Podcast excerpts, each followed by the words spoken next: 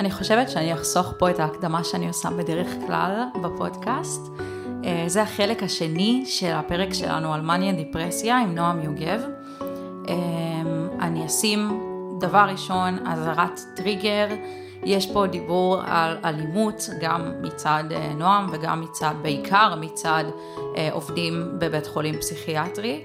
אה, אבל הפרק נגמר ממש ממש באופטימיות ואני ממליצה לשמוע אותו עד הסוף, אבל כמובן, אם זה משהו שהוא טריגר עבורכם, בבקשה תדלגו לפרק הבא או תחזרו לפרקים אחרים. אה, האזנה נעימה. אני קם, מרים את הכיסא כתר, ואז אני אומר להם, אם אתם לא נותנים לי שיחת טלפון, אני סופר עד שלוש, אם אתם לא נותנים לי שיחת טלפון, אני שובר את הדלת.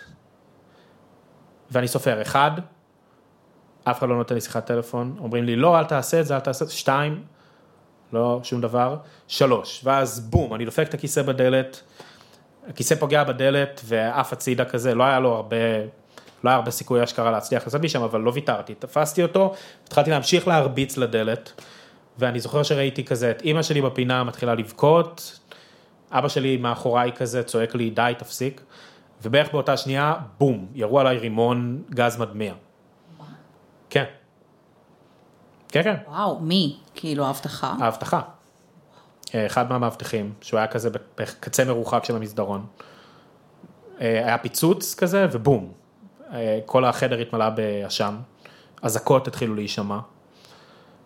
אה, נפלתי לרצפה מהר מאוד והתחלתי להיחנק, ואני משתעל וכל הפנים שלי נזלת ואני כאילו, והבנתי מה קרה, הבנתי שהכל עכשיו גז פלפל, ואתה לא יכולתי לראות שום דבר, לא יכולתי להבין מה קורה, כאבי עתק, ואני כזה מנסה להתנער ולמצוא טיפה מה קורה, ואני מתחיל לזחול, פשוט לזחול על הברכיים עד שהתרחקתי טיפה מהמוקד, אה, וכזה הגעתי ל... אה, לקצה השני של המסדרון, היה שם שירותים.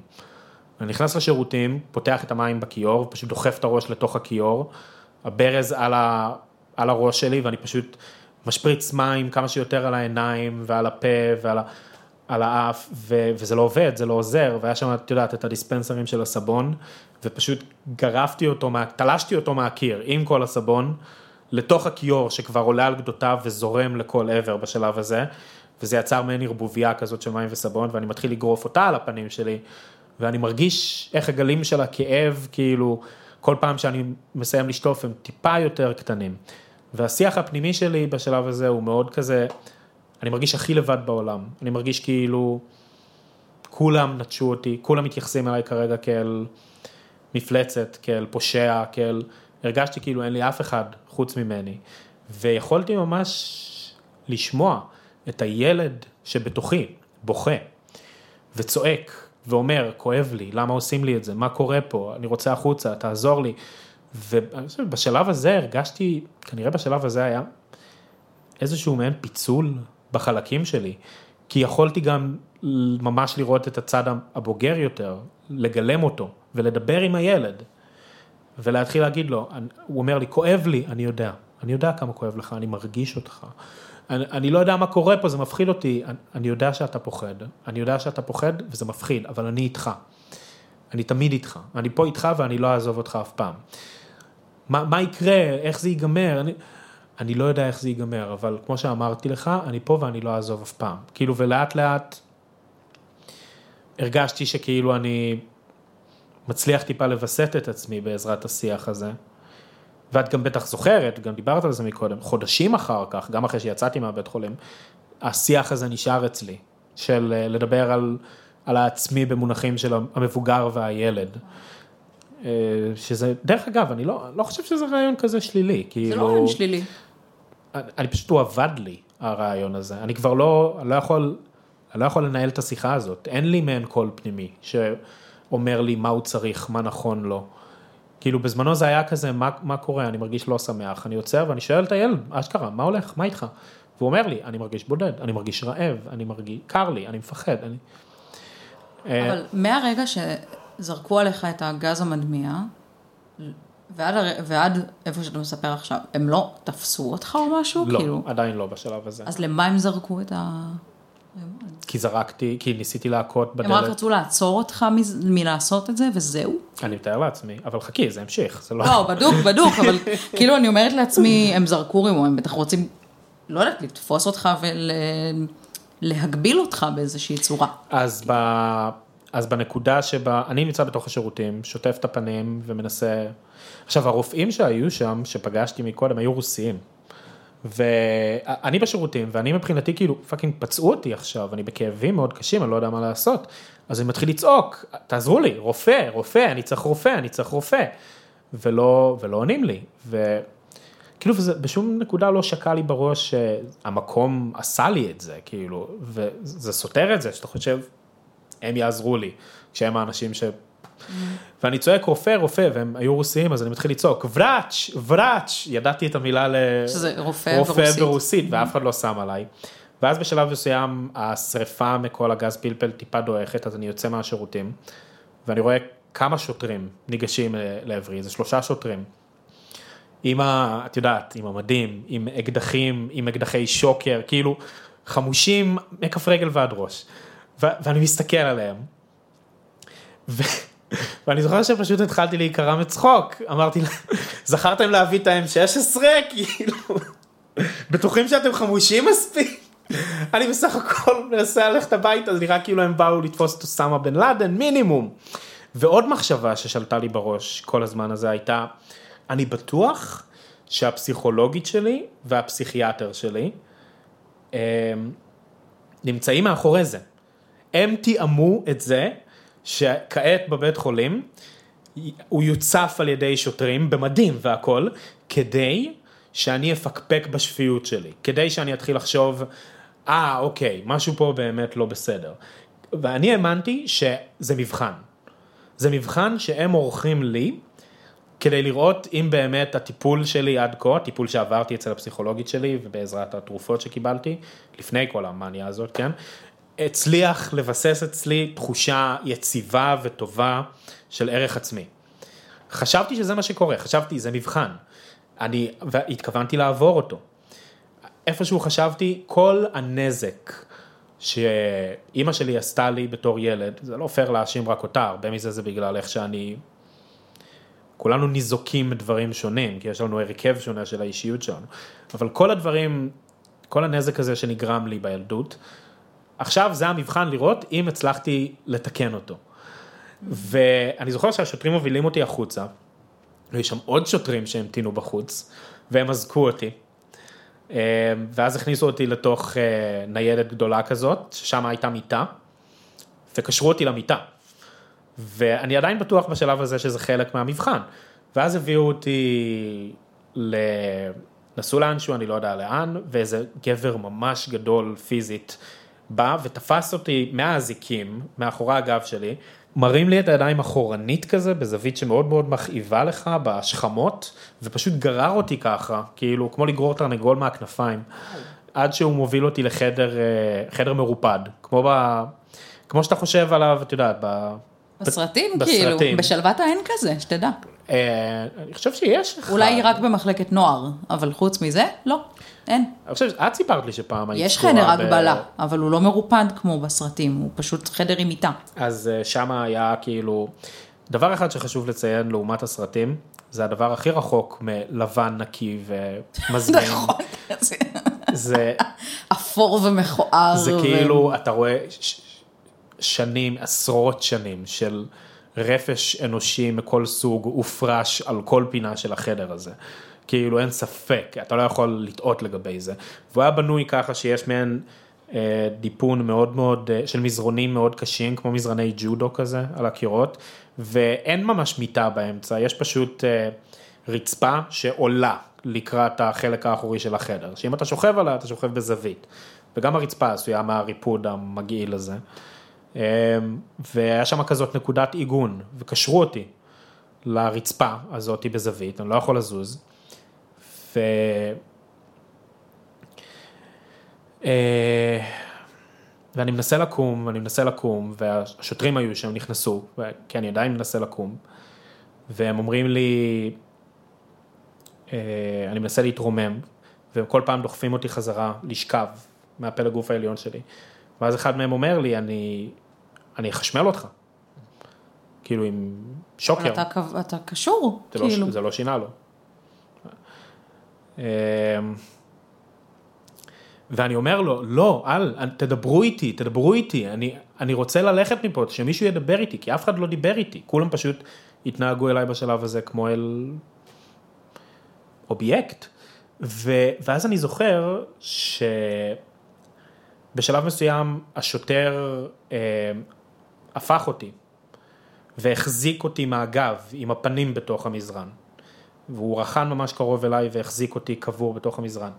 ואני זוכר שאמרתי לו, ניסיתי להגיד לו, הרגשתי בתוכי כאילו שאני ממש מצטער שהוא נאלץ לנהוג באלימות.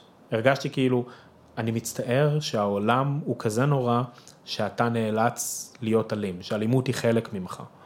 בשבילו הצטערתי. ואמרתי לו, אני כל כך מצטער, אמרתי לו פשוט, אני מצטער שאתה נאלץ לעשות את זה. אם אתה צריך עזרה, בבקשה תדבר איתי. בזמן שהוא דוחף לי את הפנים לתוך המזרן. ואז אחרי שאמרתי לו את זה, הוא תקע לי את השוקר בכתף וחשמל אותי. כאילו, אני לא, לא יודע אם יצא לך, אבל החוויה היא מאוד... לא, לא יצא לי. לא יצא לך עדיין? לא. אז כן, זה האקדחים הצהובים האלה. וזהו, ואשפזו אותך? כאילו? אז אה, הוא התחיל לחשמל אותי, ואני שרוי שם על המיטה, כולי בעוויתות מהחשמל, ו... ומתישהו פשוט הפסקתי להיאבק, ופשוט נשכבתי. ואז נכנס איזה מישהו לחדר, אולי רופא, אני מקווה שזה היה רופא לפחות, ופשוט תקע לי מזרק בתחת, והזריק לי משהו. כנראה אותו מין. אני לא יודע. לא יודע. אני מתאר לעצמי שבטח אנטי פסיכוטי כלשהו, או סם הרגעה מאוד חזק. כן. אמ, וזהו, וכשהתעוררתי, ואז נרדמתי, התעוררתי יום למחרת, עדיין כפות בחדר הזה. שחררו אותי מהחדר. שהוא לא בבית חולים בכלל, אתה אומר. אני לא יודע, לא, החדר הזה היה, אני חושב, חלק ממחלקה אחרת. אה, מזאת אבל, ש- אבל אמרת שנסעתם. כן, נסענו, כי בתוך הבית בתוך חולים. הבית חולים אפשר לנסוע? וואו. כן, כי זה בית חולים גדול. גדול, לא כאילו כמו יש- שלוותה שהוא פארק קטן. כן, הבניינים מרוחק, המחלקות מרוחקות אחת Mm-hmm. מהשנייה, יש בניין לכל אחת, יש, אה, יש מרחבים יחסית של שדה ביניהם, של דשא, האמת שזה, זה לא כזה רע, זה לא היה חלק, אה, כן, בדרך כלל בתי חולים פסיכיאטריים הם פסטורליים כאלה. שלוותה, לב השרון. לא- גאה הכי מכוער שראיתי, אבל... הייתי מאושפז באיכילוב לפני שלוותה, שם איכילוב, אבל זה לא בית חולים פסיכיאטרי, זה מחלקה פסיכיאטרית בתור, בתוך בית חולים. זה היה ממש, זה לא אותו דבר. אין, כאילו אין, אין חלון, עד כדי כך, זה היה, אם יש לך חלון הוא לחצר בטון. גם כאילו, בשלוותה בלי- זה חלון, אה, לא רואים אה, מה אני עושה עם הידיים, אבל זה חלון צר כזה, כן, אבל בשלוותה אתה יכול לצאת מהמחלקה. כשאתה ו- במחלקה פתוחה. נכון, כשאתה במחלקה פתוחה. כן, כשאתה בסגורה, לא, אבל אני בהלם שהשתמשו כלפי, כאילו, אוקיי, סבבה, להגביל אותך כשאתה עם הכיסא דופק אותו ב... סבבה, אוקיי, אבל מעבר לזה? כאילו, איפה פה, אתה כבול, קשור, למה, למה צריך עוד אלימות על זה? כאילו, זה נשגב מבינתי, כאילו, זה לא חוקי, זה חוקי? אני, אני לא יודע, אני לא התעמקתי במעמד החוקי של מה שקרה שם. אני, קודם כל, אה, יש לי הרבה להגיד על השהייה בבית חולים גם, אבל לפני זה, אני כן חושב שאם כל המשבר הזה היה מנוהל אחרת, זה לא היה צריך להגיע לידי הנקודה הזאת. הנקודה שבה אני החלטתי לנהוג באלימות ולהשליך את הכיסא על הדלת, אני מודה, זה, זאת אלימות, נקודה. זה מסוכן. להשליך חפצים שיש עוד אנשים בסביבה, אני מבין למה צריך להגיב, להשתמש באלימות כדי לעצור כזה דבר. אני לא יכול להגיד ש... שהם נהגו בי בצורה שהיא לא הגיונית בעליל. מישהו משתולל, צריך לרסן אותו, אוקיי. לרסן, אבל, אבל, אבל להפסיק בשלב מסוים. לגמרי. מעבר לזה, זה היה פשוט, זה היה מסכת גיהנום שלא היה שום היגיון לא עולה לי אותה, לחלוטין. אבל מעבר לזה, אני חושב שאם מלכתחילה, בבית חולים, היו מתייחסים אליי, היו משוחחים מסבירים איתי, לך, כן. מסבירים לי, היו, או לחילופין, נותנים לי לעשות שיחת טלפון. מה היה קורה אם הייתי עושה שיחת טלפון? כאילו גם אם הייתי מתקשר למשטרה ואומר שמחזיקים בי בניגוד לרצוני, אז מה היה קורה? הם היו מדברים עם מישהו שנמצא שם, מבינים שאני מתקשר מבית חולים פסיכיאטרי ואולי... לא היה שום ניסיון to reason with me, זה כאילו בשנייה שהגעתי לשם, זהו, הוא משוגע, אין עם מי לדבר, אין, אין לך, ובטח שלך אין קול בעניין. זה פתח ל... להסלים את הדברים. ברגע שאתה גוזל מבן אדם את התחושה שהוא בן אדם, מה הוא לא יעשה כדי לנסות ולהשיב אותה? כאילו...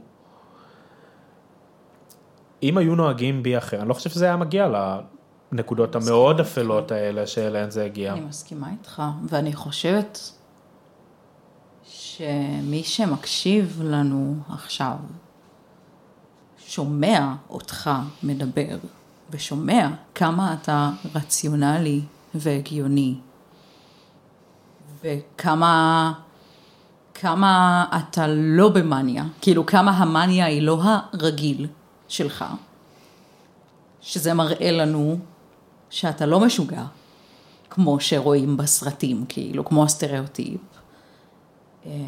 ושזה היה כאילו פייז כזה כביכול. ואז אני רוצה לשאול את מי שחושב ש... שחולי נפש הם המיץ של הזבל של האנושות, האם אל בן אדם רציונלי כמוך, שיושב פה ומדבר ומסביר את כל הדבר הזה, צריך להתנהג בכזאת אלימות? זה מה שאני רוצה שיחשבו עליו מה, מהפרק הזה. אה. האם זה היחס שצריכים לקבל אנשים שכל מה שהם עשו זה פשוט להיות חולים? תראי, אני, כמו שאמרתי מקודם, אם יש, אם מישהו נוהג באלימות, אז זה לגיטימי להשתמש באלימות ההכרחית כדי לעצור אותו. אבל הם השתמשו בהרבה מעבר לאלימות ההכרחית. אני, נכון, וזה בכלל לא לגיטימי, אבל, אבל הבעיה היא... ועוד מלפני זה, הם לא התייחסו אליך כבן אדם. כן, זו, הבעיה היא מעבר למערכתית ומעבר למשטרתית ומעבר ל... הבעיה היא ברמה האנושית, הבעיה היא ברמה האנושית, וזה לא משנה שהאנשים שמה לכאורה הם, בבית חולים, הם דמויות טיפוליות, זה לא משנה, כי ה... החלוקה הזאת בין המטופלים לבין המטפלים יוצרת היררכיה, אין, אין דרך כאילו להימנע מזה. אולי, אולי יש מקומות בעולם שבהם זה לא עובד ככה, אבל בשנייה שאתה נכנס למשבצת הזאת של המשוגע, זה מרחיק אותך פשוט משאר בני האדם, וזה ניכר בכל התייחסות שלהם אליך, וזה ניכר בסטנדרטים שהם מחזיקים בשבילך ל... תראי, הייתי מאושפז במחלקה הזאת אחר כך עשרה ימים. אמ, והתנאים שהיו שם היו גרועים מאוד, לא, לא היה נקי שם, היה לנו, סתם דוגמה, אח שלי בא לבקר אותי באחד מהימים האלה, הוא סיפר לי בדיעבד מה קרה. הוא רצה לשתות מים, נגמר לו המים, אז הוא הלך למלא אותם, היה לנו קולר שם, למטופלים. קולר היה מזוהם, היה מלא בסיגריות, ברפש, כאילו אשכרה האזור שבו המים מתנקזים. רפש וסיגריות, והיה מוזנח, חלודה מהצדדים, זה היה המקום, מזה יכולנו לשתות, לא היה אופציה אחרת. אח שלי ניגש לשם עם הבקבוק, עכשיו כולנו, את יודעת, במדים של בית חולים, והרבה אנשים שם גם נראים הרבה יותר גרוע ממני, כן? פצעים פתוחים על הפנים, ממש הזנחה מאוד קשה של עצמם. ואח שלי מתקרב לשם כדי למלא מים, ואז הוא סיפר שהאחות ראתה אותו, עמדה בעמדת החיות, אמרה לו, אה, אתה רוצה לשתות? לא, לא, אל תיגע בזה, בוא, בוא. היא לקחה אותו כזה הצידה, מאחורי הדלפק של עמדת החיות, והראתה לו את התמי 4 של הצוות, כאילו, פשוט תמי 4 נורמלי, הנה, קח, תשתה. אה, כי הוא לא חולה. אתה לא אחד מהמשוגעים, אתה יכול, הנה, בבקשה, אני סומכת עליך מספיק בשביל ש... זה, וזה, את יודעת, זה סתם דוגמה לאחד הדברים הכי קטנים, כאילו, שמראים לך שזה נמצא בהכל, זה... אבל בתור בן אדם שהיה מאושפז בשלוותה, כן. בעבר, אתה יודע שלא כל בתי החולים הם ככה, נכון? לגמרי. לא ששלוותה זה גן עדן, כן? היו... אבל לעומת, אה, לעומת באיזה בית חולים הייתה? באר יעקב? כן. לעומת באר יעקב, שלוותה זה אוטופיה. אני לעומת באר יעקב. לגמרי מסכים, לגמרי מסכים. הלוואי שהייתי יכול להיות מטופל שם באותה פעם. יודעת מה, fuck it, עזבי, עכשיו הייתי רוצה להיות בשלוותה מטופל, כרגע. עם הדיכאון שאני נמצא בו כרגע, לא בהכרח אולי אשפוז מלא, אבל נגיד הייתי שמח ללכת לטיפול יום בשלוותה או משהו כזה. כן. אבל זה הזוי להגיד, כאילו שהיינו רוצים להיות בשלוותה, אבל גם שלוותה, חייבים להבהיר, זה לא מקום מושלם בכלל, בכלל, בכלל, בכלל, בכלל. by far, כאילו, אני- זה לא שהמקום הוא בעייתי כמו זה שהנסיבות שמביאות אותך לשם פשוט גם, גוזרות לא, עליך. אבל גם שם יש פאקים, גם שם, יש שם הרבה פחות אלימות מבתי חולים אחרים, אבל זה לא שאין שם אלימות. תראה, וזה אני- לא שאין שם תנאים מזוויעים לפעמים. ואומנם המחלקה הפתוחה היא בית מלון לעומת שאר הבית חולים, אבל שאר הבית חולים הוא לא בית מלון. בשלוותה הייתי מאושפז רק במחלקה הפתוחה. ועוד לפני השיפוץ היית בה. לא היית בה אחרי לא, השיפוץ, לא. אני יודעת שלא. אחרי השיפוץ בכלל. בית- הייתי שם עוד פעם. הייתי אבל- שם עוד פעם אחרי השיפוץ. אבל היה לך גם תקופה שהיית בה בסגורה. אז את כן תקופה מאוד יודעת, ארוכה שהייתי, כן, הייתי גם בסגורה, גם בפתוחה, לפני שיפוצים, אחרי שיפוצים, מה שאתה רוצה. אז את יודעת אז אני ממש יודעת הכל על ה- המקום הזה, כן. וגם אני יודעת איך זה להיות אשת צוות בשלוותה. אה, מלפני כל התקופה מלפני, שבה... כן, לפני. אמ, ואני יכולה להגיד ששלוותה זה בי פאר הבית חולים הכי טוב בארץ, פסיכי... מבחינה אה, בית חולים פסיכ... פסיכיאטרי, אה, אבל שוב, הוא עדיין בית חולים פסיכיאטרי. כאילו, עדיין יש מקום להשתפר. גם כשזה הבית חולים הכי טוב, הוא לא טוב. אמ, אני, אני מסכים.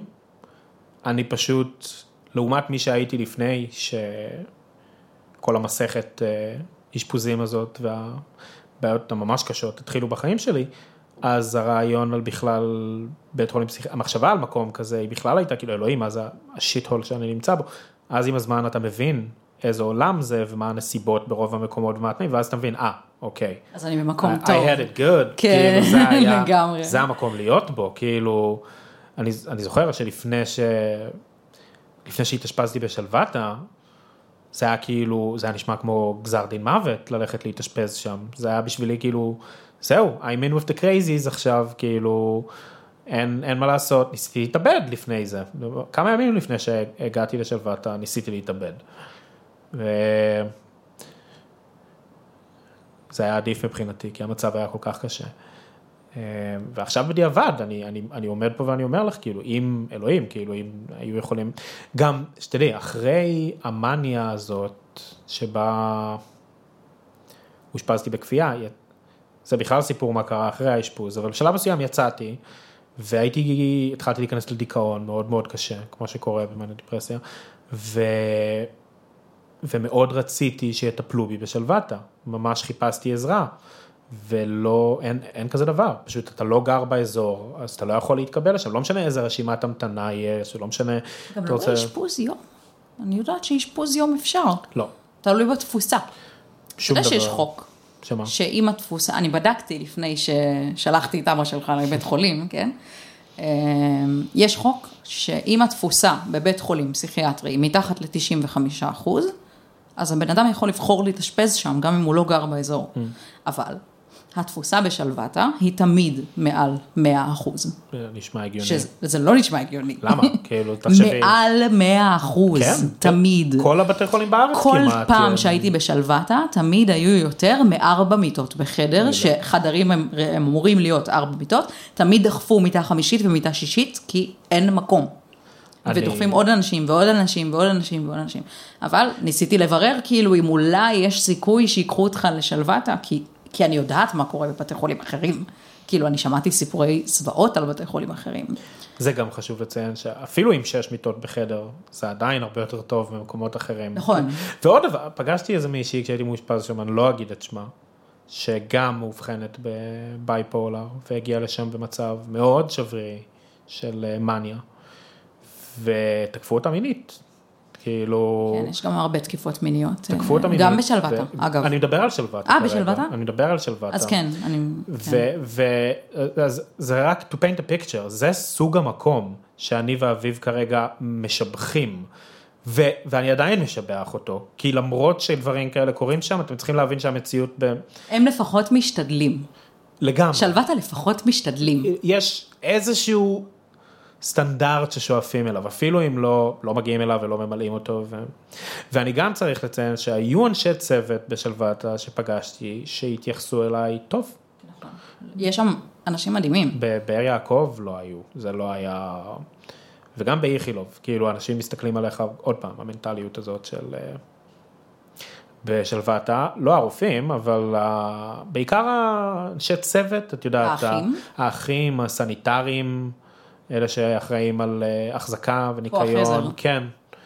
הם, הם היו כמה מהאנשים שהיו הכי אדיבים ועדינים. כן, עדינים. הם בדרך כלל סופר נחמדים. אני זוכר שפעם באחד הימים בת זוג שלי דאז באה לבקר אותי והיא בישלה, היא הביאה אוכל שהיא בישלה, אה, שזה היה מאוד נחמד מצידה. ואחת האחיות אה, הלכה למטבח צוות והוציאה משם סכו"ם וכלים וערכה לנו מחוץ למחלקה כזה שולחן קטן. אני חושב שזה היה אחד הדברים הכי מרפאים בשלוותה, המשפחתיות, המשפחתיות, של, אה, כן. הרבה, כי, כי הטיפול בדיבור היה חסר משמעות בשבילי, תרופות באמת לא עשו שום דבר. ריפוי בעיסוק בטח לא נכנסת. ניס, נכנסתי, ניסיתי להכין צמידים ושיט כזה, לא, לא הצלחתי, הייתי בכזאת חרדה, לא יכולתי להתרכז בלקשור קשר, אבל הקשר שנוצר עם האנשים האחרים שם, זה מה שאי אפשר לי לחזור להיות חלק מהחיים. כאילו, אחרי שאתה כל כך מתנתק מהם, שאתה לא רוצה חלק בהם יותר. כן. מוצאים חיים כזה בפנים, כזה. אבל אה, אצלי רוב הקשרים שהיו לי מאשפוזים התנתקו, כאילו. זה היה כאילו, זה עבד בתוך המיקרוקוסמוס הזה, אבל בחיים האמיתיים במרכאות זה כאילו לא, לא עבד, חוץ ממקרים מאוד ספציפיים כמוני וכמוך. אה, כן, גם את, את האדם היחיד מהמסגרת הזאת שיש לי כרגע בחיים. כרגע, כן. כן. היו עוד, היו. אבל גם איתם הקשר ניתק. אבל חלק באשמתי, כאילו, לא סתם כי הזמן הרחיק בינינו. אה, זה מורכב יותר מזה. החיים מורכבים יותר מזה. חיים מאוד מורכבים. אז נועם, עכשיו אני שואלת אותך שוב, היית חוזר למאניה? שאתה יודע מה קורה אחריה? זה כזה... כן, הייתי חוזר למאניה אם הייתי יודע שבמקום להתאשפז אני פשוט אמות. לא, זה בדיוק גם מה שאמרתי לפסיכיאטר, הפסיכיאטר שלי שאל אותי את זה, היה לי פגישה איתו לפני שבוע. אם היית חוזר למאניה? כן, דיברנו בדיוק על זה, ואמרתי לו, כן, הלוואי שהייתי חוזר למאניה, והייתי מת. אבל נגיד ואנחנו במציאות, אנחנו במציאות. באמת, תשמעי, אני חושב שבשלב הזה, אתה לא הבן אדם אני לא הבן אדם לשאול כבר, שזה קצת עצוב, אבל... עכשיו זה, זה תמיד, את, את, כל אם, דבר... אם אתה עכשיו יודע שאתה נכנס למאניה, אתה חוזר להתחלה של ההיפומניה והמאניה וזה, אבל בסוף הכל קורה כמו שהוא קרה. נכון. ואתה חוזר לנקודה של היום. היית עובר את המאניה עוד פעם ועובר את כל מה שעברת? obviously לא, כאילו, מה זאת אומרת, אם, אני, אם זה נגמר כמו האסון שזה נגמר בו, אפשר, יש לנו, אפשר לדבר עוד טיפה על מה קרה אחרי, אני אתמצת. סיפרתי על כל האירועים המאוד מאוד טראומטיים של האשפוז. מה שקרה אחר כך במחלקה היה עשרה ימים שהייתי שם, שבמהלכם אה, באמת תנאים לא טובים, יחס רע מהצוות, ו... ועדיין בשלב הזה הייתי בטוח לחלוטין שמנסים לשכנע אותי שאני משוגע. כאילו סירבתי לקבל את זה שמשהו באמת לא תקין. לא, תעזבי סירבתי לקבל, לא האמנתי שמשהו לא תקין. נתנו לי תרופות, הרבה תרופות, לבלוע, וחשבתי שמנסים להרעיל אותי. אז uh, כשהאחים מסתכלים עליך שאתה בולע את התרופות, הכנסתי אותם לפה, החזקתי אותם מתחת ללשון, שתיתי בשלוות אומרים להוציא- להוציא את הלשון, להראות, כאילו שבאמת בלעת. אז לא. פשוט נותנים לך מים, שתיתי את המים, ובשנייה שהסיטו הסיטו את המבט, אז ירקתי את הכדורים ונפטרתי מהם איכשהו. ו... ואמרתי לעצמי, אני חייב לצאת מפה, אני חייב לצאת מפה, אני אלוהים, אני, אני הכל אעשה בשביל לצאת מהמקום הזה. ופשוט החלטתי, אוקיי, אני אעמיד פנים, שהכל בסדר, אני, אני אתנהג כמו שהם רוצים שאני אתנהג. והיה לי מעין image בראש כזה של, את יודעת, של ילד טוב, של איך מתנהג ילד טוב, שהוא לא מתווכח עם אף אחד, והוא חברותי, והוא עדין, והוא... והפסקתי לדבר על כל דבר שעלה לי לראש, והפסקתי להתנגד. כאילו עדיין לא לקחתי את התרופות, כן? לא סיפרתי להם את זה. זה היה מעין להיות באיזשהו מבצע חשאי כזה, את יודעת? אמ, והזמן חולף, ו... ואני מבקש לצאת וזה לא השתנה, עד שיום אחד הסכימו לי לצאת בליווי, לקנות סיגריות מהקיוסק שנמצא מחוץ לבית חולים. אז כאילו, אחד האחים ליווה אותי ואת אבא שלי לשם, ואני יוצא מהבית חולים, לא אזוק ולא כלום. בשנייה שיצאתי מהשער של הבית חולים, אמרתי, אני מאוד אוהב אתכם, אבל זה לא יכול להימשך, ורצתי. אני לא מאמינה. לא סיפרתי לך את זה? לא. פשוט רצתי. ומה עשו? אה, לא הסתכלתי אחורה. שמעתי צעקות, עצור, חכה, פשוט התחלתי לרוץ. לא היה לי שום דבר. רצתי, רצתי, רצתי, רצתי, המשכתי לרוץ, רצתי ורצתי, ורצתי, זה היה בבאר יעקב. אה, אני חושב שבשלב מסוים הגעתי לנס ציונה, וכבר לא ראיתי אף אחד כאילו עוקב אחריי ולא... איך לא רדפו אחריך ניידות או משהו? תראי, זה היה עשרה ימים אחרי, זה לא כאילו שוטרים עמדו שם וחיכו לצאת למרדף, היה שם אבל רק... את באופן כללי שוטרים מחכים, אה, כאילו מזניקים שוטרים והם באים. אז אני לא יודע, כנראה שבאותו רגע... לפחות כשבית חולים מבקש מהם ולא בן אדם פרטי. כן.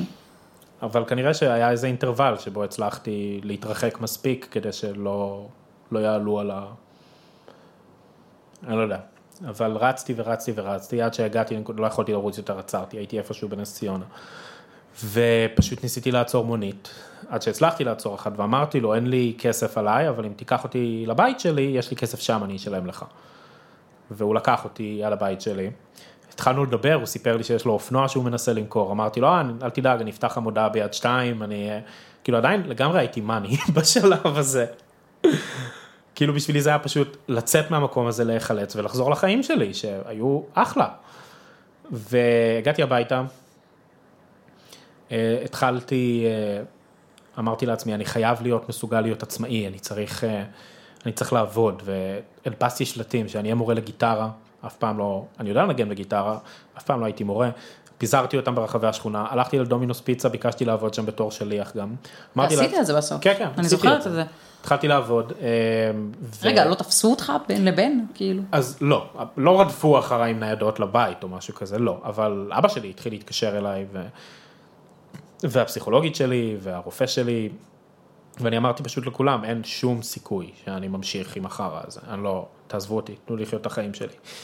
ואז, בערך במהלך השבועיים שאחרי האשפוז הזה, הכל, את מקודם דיברת על זה שיש כזה שינוי שהוא מאוד מאוד פתאומי, אבל זה לא היה ככה, זה דווקא היה מאוד הדרגתי, זה היה כזה, פתאום מחשבות מאוד מאוד, אה, לא לזה התכוונתי, התכוונתי לזץ האלים, שהוא פתאום פתאומי. אז זה דווקא כן, זה, אפשר, זה מאוד פתאומי. וזה באמת פתאום זה אלים. מה שהתנהל שם במחלקה, כן. ברגע שבה דחקו אותי מספיק לפינה ולא יכולתי יותר אז, זרקתי את הכיסא על החלון.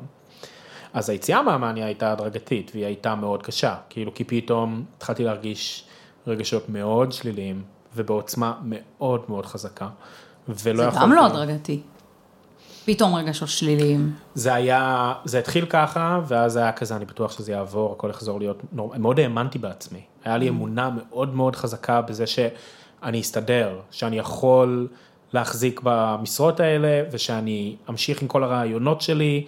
כאילו, עדיין לא היה לי שום תחושה של ספק ופחד, ו...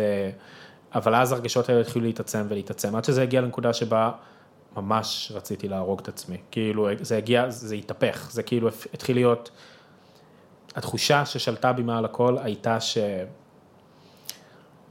שאני לא, שאני תלוי באנשים אחרים בעולם הזה, ושאני לא מוכן להיות תלוי באנשים אחרים בעולם הזה. אני לא רוצה להרגיש תלוי בשום צורה באף אחד, כי הרגשתי נבגד, הרגשתי, הנה, זה מה שקורה כשאתה נותן לעולם להיכנס פנימה.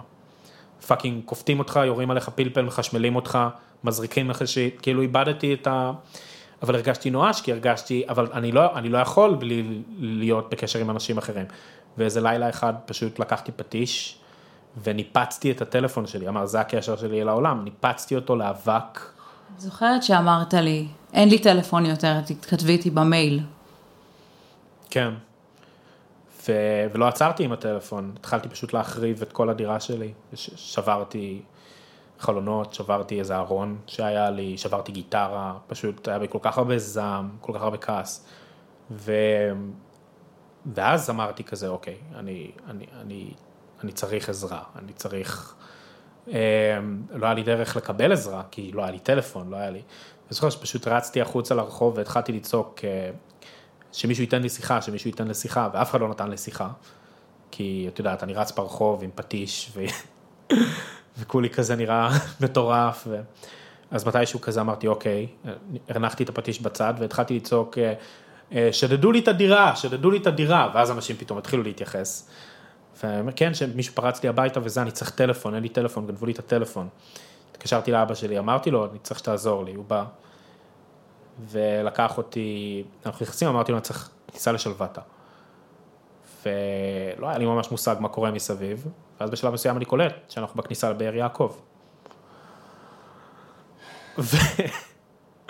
ואני קולט איפה אני, והוא עצר את האוטו, ופשוט הסתכלתי עליו בתדהמה כזאת, פתחתי את הדלת וחזרתי לרוץ. וואו. וכאילו, והבנתי, אוקיי, אין מוצא, אין מוצא. אתה צריך, תתמודד עם השיט שלך, או שתמות, זהו, אין אופציות. אף אחד לא יעזור לך יותר, זהו, זה המצב. או שתכיל את זה, תרכב על זה, תשרוד את זה, או שתמות, אלה החיים. ו... והדיכאון רק המשיך והסלים, והפסקתי, היה לי כבר שני תלמידים בשלב הזה לגיטרה, שאשכרה התפנו אליי, הפסקתי ללמד אותם, התפטרתי מהעבודה בפיצה, לא הצלחתי, הייתי מלא בכל כך הרבה שנאה וכאב וזעם. אה, כן, ואז הכל הפך להיות הרבה יותר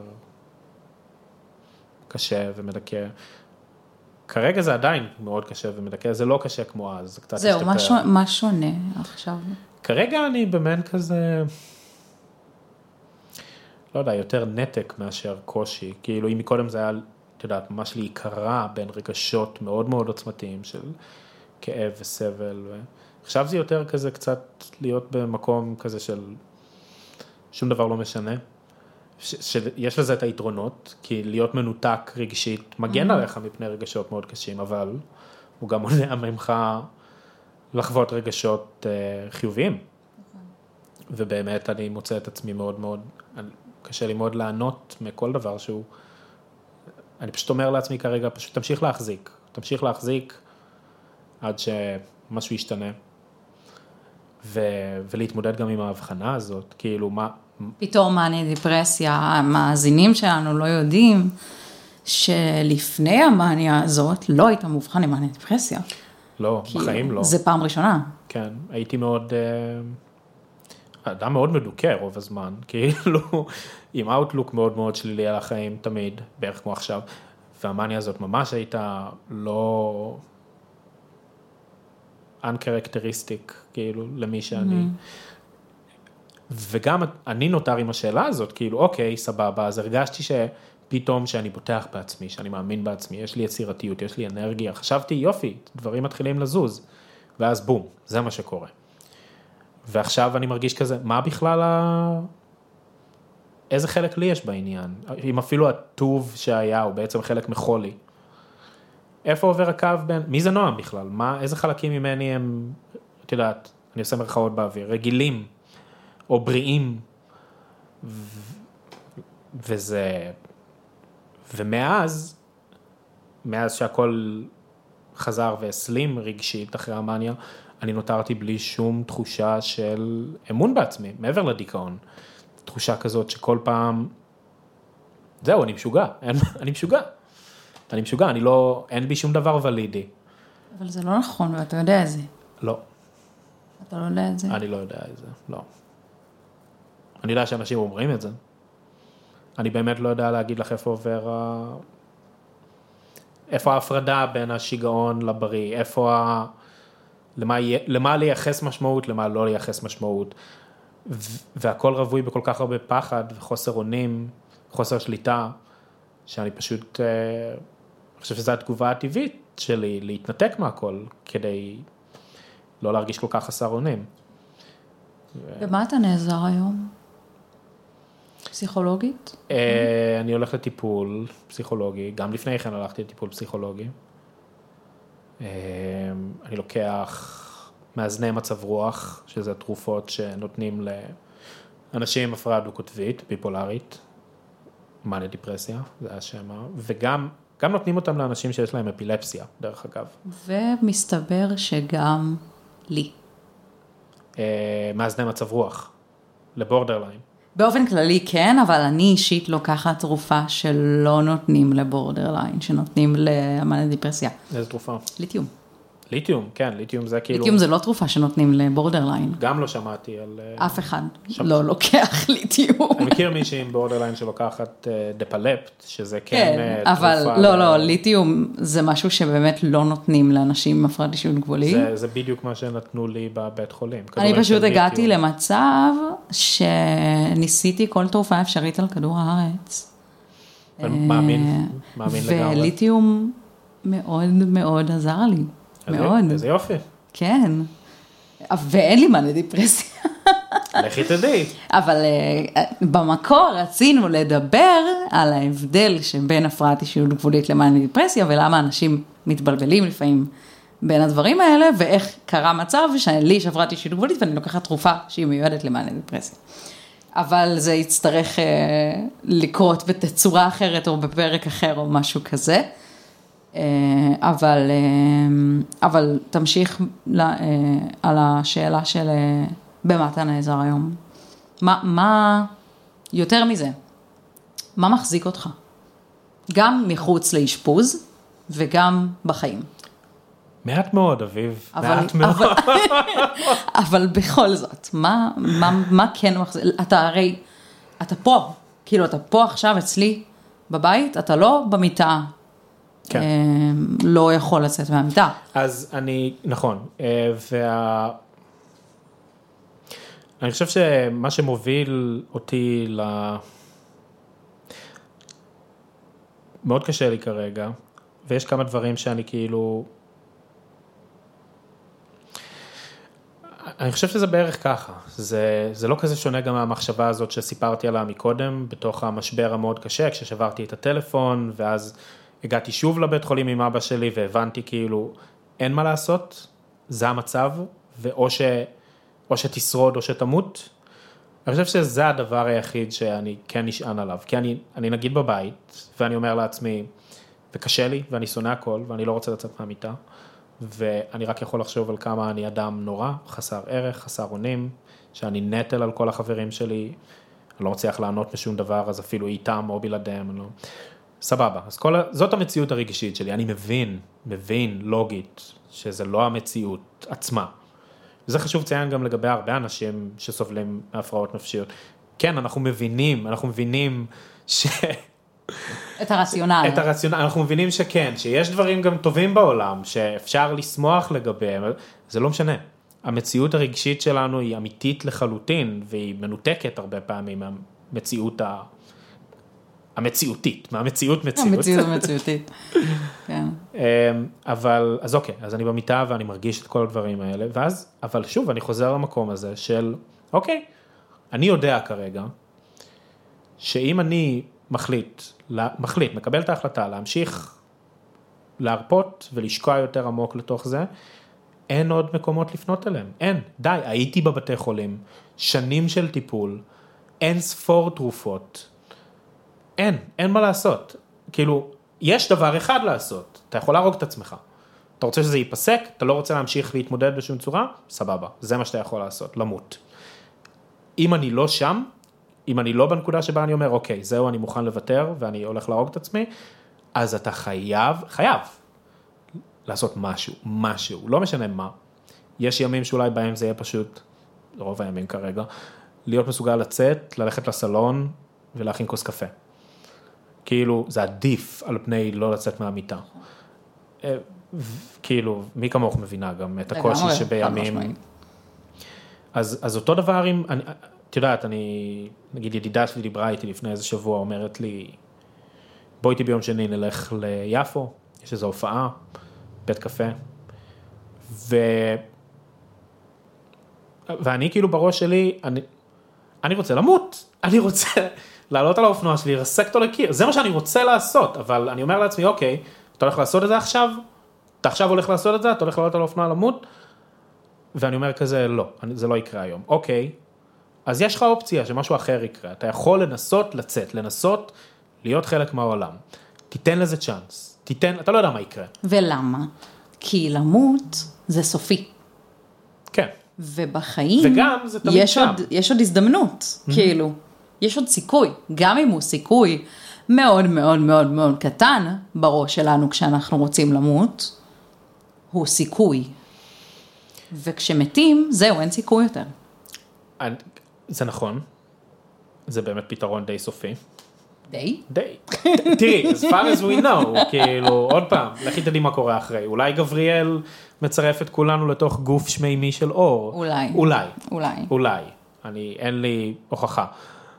אבל, אה, בסדר, אבל גם לאף אחד אין הוכחה מה קורה אחרי. אה, אבל גם, לגבי מה שאת אומרת, כאילו שיש עדיין תקווה כלשהי בחיים. אחרי מספיק זמן בבור מוחלט של ייאוש וסבל, אתה מאבד את התקווה. זה, זה, נכון. זה כאילו בטריה, זה כאילו אתה לא יכול, אז כרגע יש לי תקווה שהדברים ישתנו, יש לי תקווה, כי אני יודע שהם יכולים להיות שונים, כי חוויתי כבר תקופות יותר טובות, ואפילו, אני- אומר לעצמי לפעמים, פשוט לחכות שהמאניה הבאה תגיע, כאילו, וזה יהיה יותר טוב מאשר איך שהחיים נראים כרגע. אה, זה משהו, אבל אני מרגיש באותה עת, כאילו, אם אני, את יודעת, אני סוחב את זה, ואני סוחב, ומרגיש הרבה אשמה גם, כי אני מרגיש כל הזמן, כאילו אני לא עושה מספיק כדי לטפל בעצמי, כאילו אני איפשהו נאחז באומללות שלי כבר, כדרך להתגונן מפני כאב אחר, שמפחיד אותי יותר, כי זה האומללות שאני מכיר, הכאב שאני מכיר. יש בזה משהו גם, אני חושב, זה נושא אחר לשיחה. אני אגיד לך שאתה עושה מספיק, בתור מישהי שהייתה שם, בתור מישהי שראתה אנשים שם, בתור מישהי שגם הייתה בצד הטיפולי של הדבר. לקום מהמיטה, זה לא מובן מאליו. אנשים חושבים שזה מובן מאליו, זה סופר לא מובן מאליו. ורק אנשים שהיו בדיכאון יודעים את זה. ועצם זה שאתה בחיים, ולא עכשיו הולך ועושה לעצמך משהו, זה מספיק. זה מספיק. ואם מה שמחזיק אותך זה לדעת שזה שאתה בחיים עושה טוב לאנשים אחרים, או להפך, זה שתמות יעשה רע לאנשים שאתה אוהב, אז שזה מה שיחזיק אותך. כי זה מה שהחזיק אותי, אבל... עד שמצאתי משמעות משלי, זהו. וזה קורה. זה לא משהו שאתה יכול להיאחז בו lifetime. לא, לנ... לא, לא לנצח, זמני.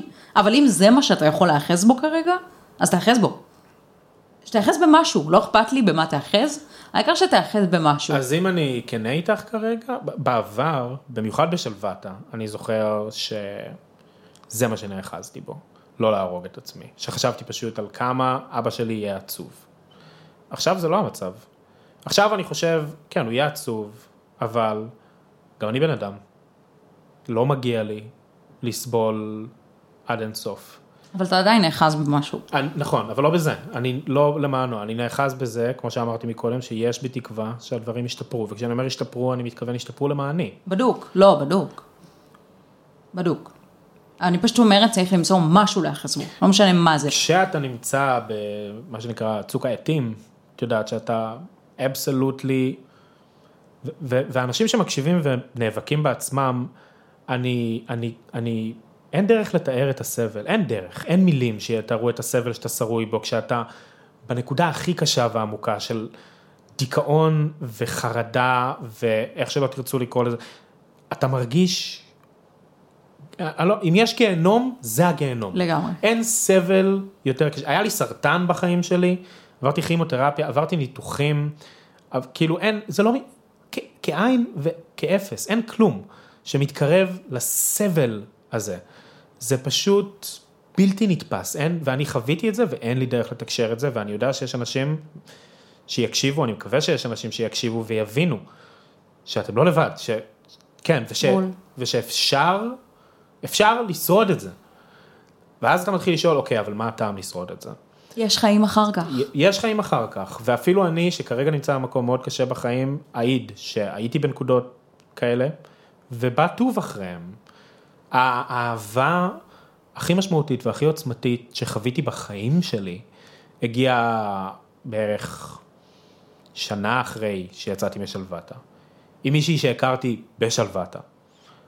כאילו, אי, אי אפשר לכתוב סיפורים כאלה, כן? כאילו כן. זה, אז, ואפילו אם, אני, אני, אפילו אם החיים שלי והסבל שלי רק יתעצם, ואפילו אם הם יסתיימו טרגית, אני עדיין שמח שזכיתי לחוות את מה שזכיתי לחוות, את הטוב המועט שכן זכיתי לחוות.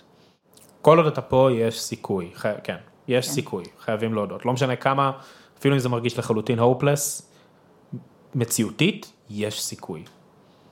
פשוט צריך למצוא את הניצוץ הקטן הזה, את הספארק, את הקרן אור, הפצפונת, שקשה נורא לראות בתוך השפל הזה, ולהיאחז בה. אז הקטע הוא, קשה לי להסכים עם זה.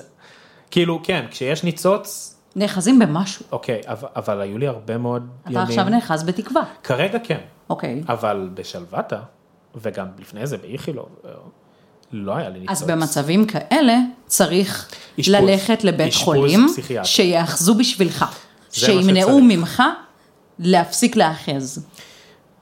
כן, כן. כן, צריך אשפוז פסיכיאטרי במצבים כאלה, במצבים שבהם אין שום אור, ושאתה, תראי, אתה לא מגיע למקומות האלה סתם, אתה מגיע לשם אחרי ניסיון התאבדות בדרך כלל. אתה מנסה להתאבד, זה בגלל עדיף שכבר... לא, עדיף ללכת לפני. עדיף כשאתם, אם אתם מרגישים שאתם רוצים לסיים את החיים שלכם, במקום זה, תלכו למיון של בית חולים פסיכיאטרי. כן. Not sponsored, כאילו. לא, כן, זה, זה... לא, אני לא רוצה להגיד דברים מדכאים מדי, יש לי רק דברים מדכאים לא, לא, להגיד. לא, אנחנו פה בתקווה, אנחנו פה בתקווה. אביב בתקווה, אביב בתקווה. אני... אני בתקווה גם בשבילך תודה, ביחד. תודה. לא, יש, חייב להודות, יש לי טיפה תקווה, אחרת באמת כבר לא הייתי ממשיך. אה, אני פשוט גם מבין איך זה להרגיש fucking להיות מאושפז בפעם הרביעית, או whatever, ואתה חושב לעצמך, מה זה משנה? כאילו די, I've been through all that, כאילו, זה לא עוזר, זה לא... אבל זה עוזר בסוף. זה עוזר לך להישאר חי. לא רק. אני סיפרתי בפרק הראשון של הפודקאסט הזה, סיפרתי שיום אחד הגעתי למחלקה הנכונה ולמטפלת הנכונה ולבן אדם הנכון שהביא אותי למקום הנכון שהוציא אותי מהאשפוזים. וזהו, כאילו. לא, לא שאין סבל אחרי זה, אבל, אה, אבל העלו אותי על המסלול של לצאת מרצף אשפוזים, ולא היה לי סיכוי אם הייתי נשארת באותה מחלקה ובאותו, באותו, בהתחלה זה היה בבית חולים אחר בכלל, אם הייתי נשארת באותו בית חולים, באותה מחלקה, עם אותם אנשים וזה, לא הייתי עושה את זה בחיים. אבל בשלב מסוים אתה מגיע לבן אדם הנכון, שאומר את הדבר הנכון, שגורם לדבר הנכון, שמתחיל להניע איזה משהו, שגם לא יש רגרסיות, אבל אשפוז לא רק משאיר אותך בחיים, הוא יכול להניב, וגם אתה אמרת, הוא הניב דברים מדהימים, בלי כוונה. כן, אתה פגע, אנחנו הכרנו באשפוז בו, כאילו. אבל זה לא דברים שהמסגרת האשפוזית לא שם, מעניקה, אבל, זה לא כאילו אבל זה הרופאים כן, והטיפול. אבל זה כן. כן, יש כן. בזה משהו. יש משהו כן. בלהכיר אנשים שנמצאים במצב כל כך מפורק. כמוך, כן. כן. לא כרגע, אז. לא, שהם כמוך, כאילו. אה, כן. אני כן, יש עדיין הרבה הבדלים אישיותיים כמובן, ברור. אבל משהו בזה שכשאנשים שנמצאים במקום הזה, כל המגננות שאנחנו רגילים ללבוש שלנו בחוץ, הן לא קיימות. וכולנו, כולנו באותו רפש. לא רק באותו רפש, כולנו fucking ילדים שבורים באותו רפש במצב הזה. והכל כל כך נוראי, ומצד שני גם כל כך עירום ותמים גם, כאילו הדחפים של אף אחד כמעט לא מוסווים, הרצונות, ה... אתה מדבר עם אנשים ואתה זוכה להכיר אותם, והם זוכים להכיר אותך במקום הכי אמיתי שלך, אפילו הכי שזה... פגיע, הכי הכי- פגיע, כן. הכי קשה. ו obviously לא כל בן אדם שתפגוש שם הולך להיות עכשיו חבר נפש שלך, כן? אבל, אבל אה, חלק מהם בהחלט עשויים. אה, ו... כן, וזה מה שהיה משמעותי בשבילי. תודה, נועם. על מה? על השעתיים. סתם, סתם, כן, כן. לא, לא, כן, על כן, השעתיים, על השעתיים שהקדשת לי, ועל הסיפור המטורף שסיפרת, אה, ועל התובנות, ועל התקווה, ו... ותודה. אה, תודה על ההזדמנות לחלוק. אני מקווה ש... אני... אני חושב ש... אני מאמין של לאוורר את הדברים האלה עוזר לזכך את הטראומה. וזו תקווה, כן? אני לא יודע, לא עשיתי את זה לדבר בעבר. על הדברים אבל- חד משמעית עוזר. לא, זה לא סתם לדבר על דברים, זה ממש לצעוק אותם. לפרוס אותם גם, כן. כאילו, על שעתיים. ואז לתת לכל העולם לראות אותם. כל העולם כאילו, בו. את יודעת, מי שירצה לראות, כל מי שירצה לראות. וואו, איזה פרק, שני פרקים מטורפים. אה, אני מקווה שנהניתם, או גם אם לא נהניתם, אז לקחתם משהו אה, מהפרקים האלה. אני חושבת שהם באמת פותחים תודעה ומעוררי השראה. אה, תודה רבה לנועם שהסכים להתארח אצלי בפודקאסט. ואנחנו נתראה בפרק הבא.